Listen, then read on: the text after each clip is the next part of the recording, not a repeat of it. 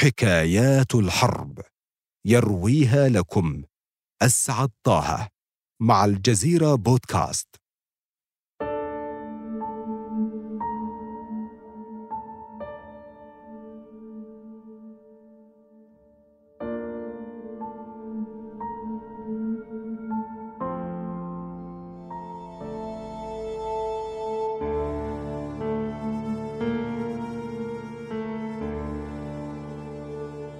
إذا كنت في السابعة عشر من عمرك وتعيش في بلاد غاية في الجمال أتترك ربيع العمر وحسن المشهد وتخوض الحرب؟ وإذا فعلت ووقعت في الأسر أتصر أم تطلب العفو؟ ماذا لو كانت المشنقة في انتظارك؟ ماذا لو كنت فتاة؟ إليكم ما جرى. عام 1945 وبينما تجري حرب تحرير يوغوسلافيا من الاحتلال الألماني على قدم وسق يعثر مقاتلون يوغوسلاف في حقيبة جندي ألماني على صورة لفتاة مراهقة تقف متحدية. بينما يربط جندي نازي حبل المشنقة المتدلي من شجرة أكاسيا حول رقبتها. ولأن لا أحد يعرف هوية هذه الفتاة فقد تقرر لاحقا الاحتفاظ بهذه الصورة في متحف الثورة بمدينة مستار وعلى الرغم من البحث المستمر فإن اسمها يظل مجهولا لوقت طويل. لكن البحث المستمر يدلنا على أن الحكاية قد بدأت قبل التقاط هذه الصورة بسبعة عشر عاما. تحديدا في التاسع عشر من ديسمبر كانون الأول عام 1925 ففي هذا اليوم وفي البوسنة والهرسك تولد ليبا راديتش في قرية جاشنانيتسا بالقرب من مدينة كوزارا في عائلة فقيرة جدا. لكن أفرادها من المناضلين المؤمنين إيمانا راسخا بالشيوعية. ليبا والتي يعني اسمها بلغتها الصربية الجميلة أنهت المدرسة الثانوية للتمريض متفوقة في المدرسة ومهتمة بالأدب وقارئة بنهم. تقرأ الكتب المحظورة التي يزودها بها عمها الشيوعي فلادت واحد من أوائل المشاركين في الحركة العمالية التقدمية. وبرعاية عمها هذا تتشرب الفتاة مبادئ الشيوعية منذ الطفولة وتصبح ناشطة في رابطة الشبيبة الشيوعية في يوغوسلافيا.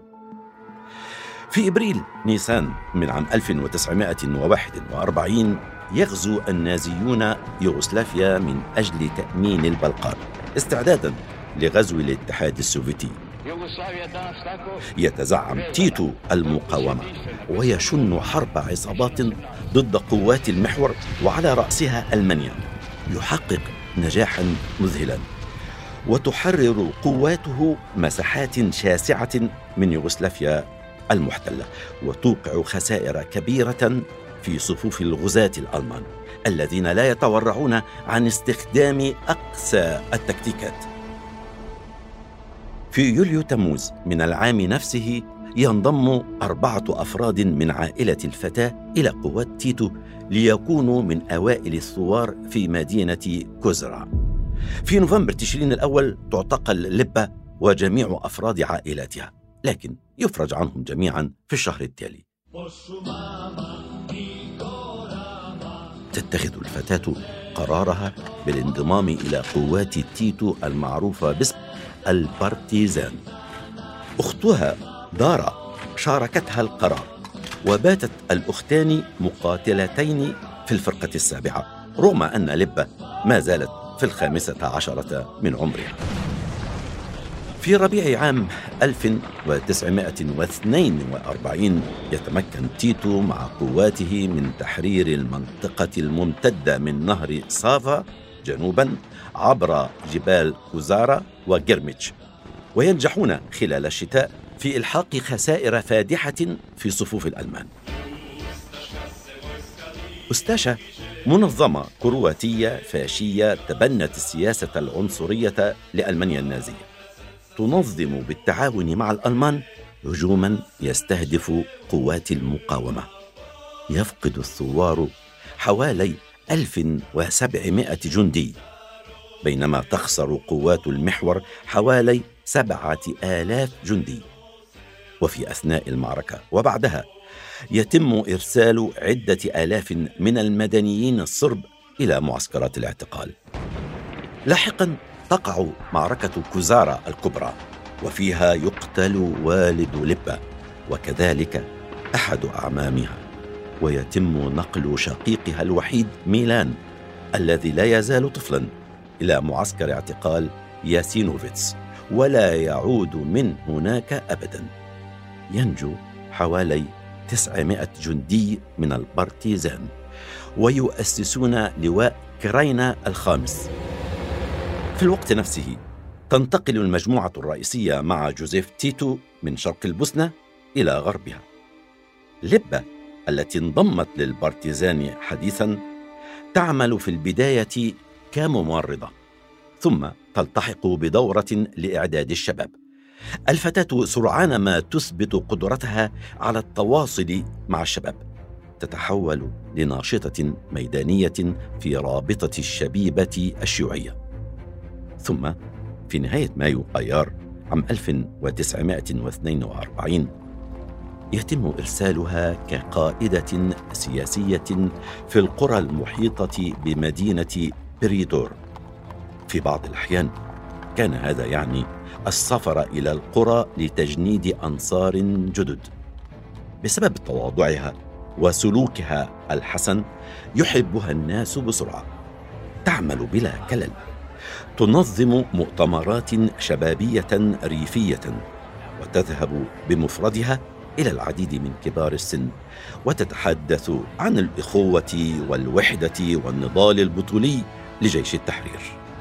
تظهر بشكل خاص قدرتها ومهارتها في تنظيم الشباب في القرى المحيطة وتبدي شجاعة غير عادية في الأعمال القتالية. لم يكن هناك أي حدث مهم تقريبا في المنطقة لم تشارك فيه.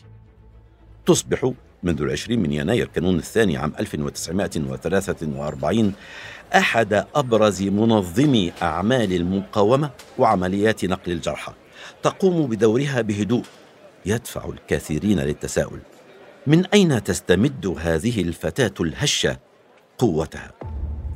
بين العشرين من يناير كانون الثاني ومنتصف مارس آذار من هذا العام تقوم قوات المحور بشن هجوم استراتيجي ضد المقاومة اليوغوسلافية. ينجح تيتو في تنظيم قواته التي نجحت بدورها في شق طريقها عبر نهر نيريتفا. وعلى الرغم من الخسائر الكبيرة التي أصابت البارتيزان إلا أن هذه القوات استطاعت استرداد معظم الأراضي التي كانت قد فقدتها قبل بداية العملية.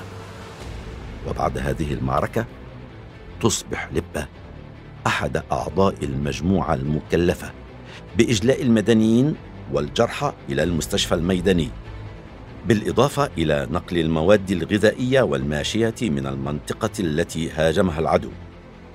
كان إنقاذ الجرحى جزءا اساسيا من استراتيجية البارتيزان.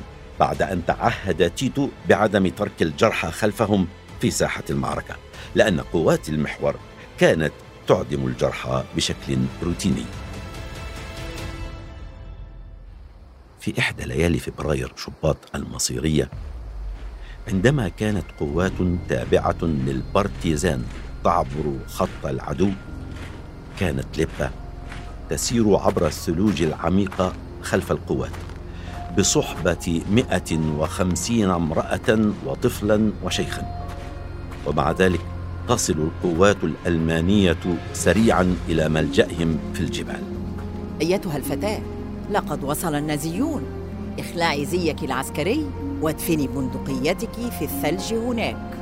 ترفض لبة وتقول أن أموت ممسكة بسلاحي أشرف لي من الهروب. إن خلع الزي العسكري خيانة للوطن.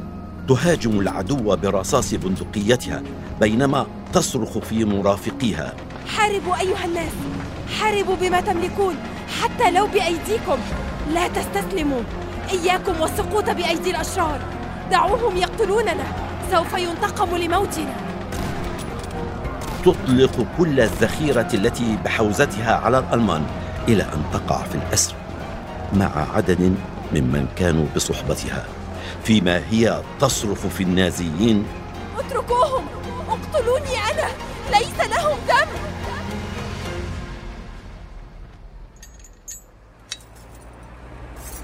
تنقل إلى قرية بوسانسكا كروبا حيث مقر قيادة القوات الألمانية. تتعرض للتعذيب والحبس الانفرادي على مدى ثلاثة أيام. يعذبونها؟ لإجبارها على الإفصاح عن أسماء رفاقها من البارتيزان وأماكنهم. لكنها في بطولة غير عادية ترفض الكشف عن أي معلومات عن رفاقها. ييأس الألمان منها.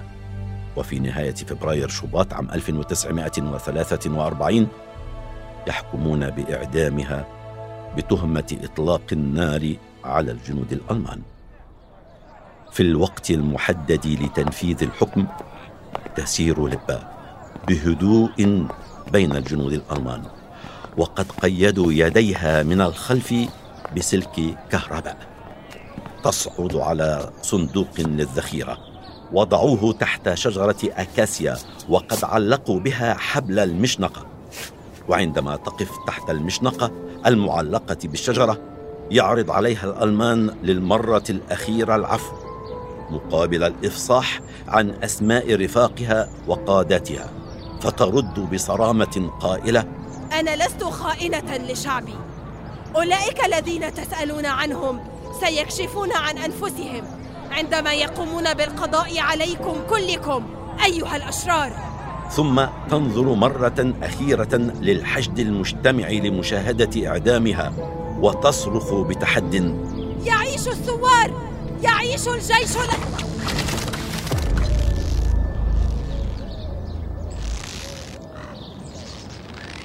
لكن حبل المشنقة يقطع كلمتها الأخيرة بعد أن دفع جندي صندوق الذخيرة بقدمه.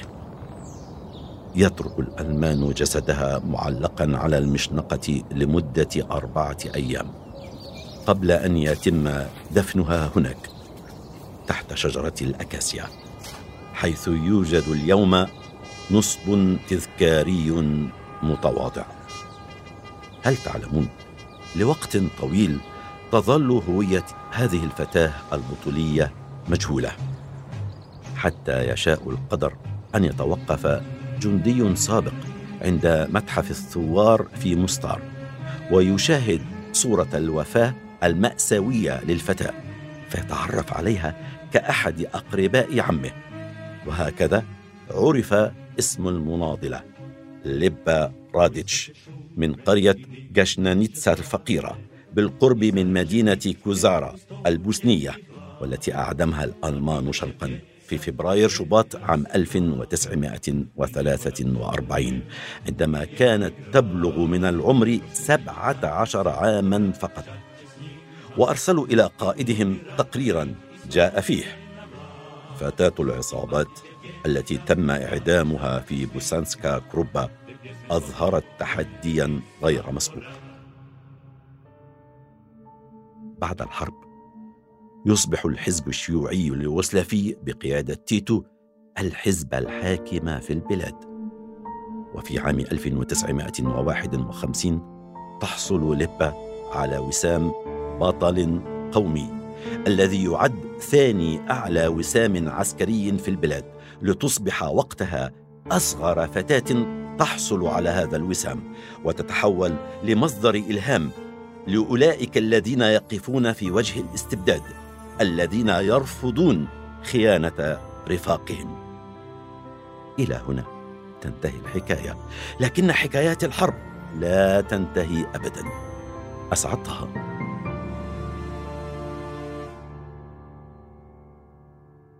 استمعوا إلى بودكاست حكايات الحرب عبر Apple Podcasts و Google Podcasts و SoundCloud. فقط ابحثوا عن الجزيرة بودكاست وشاركوا الحلقة مع أصدقائكم.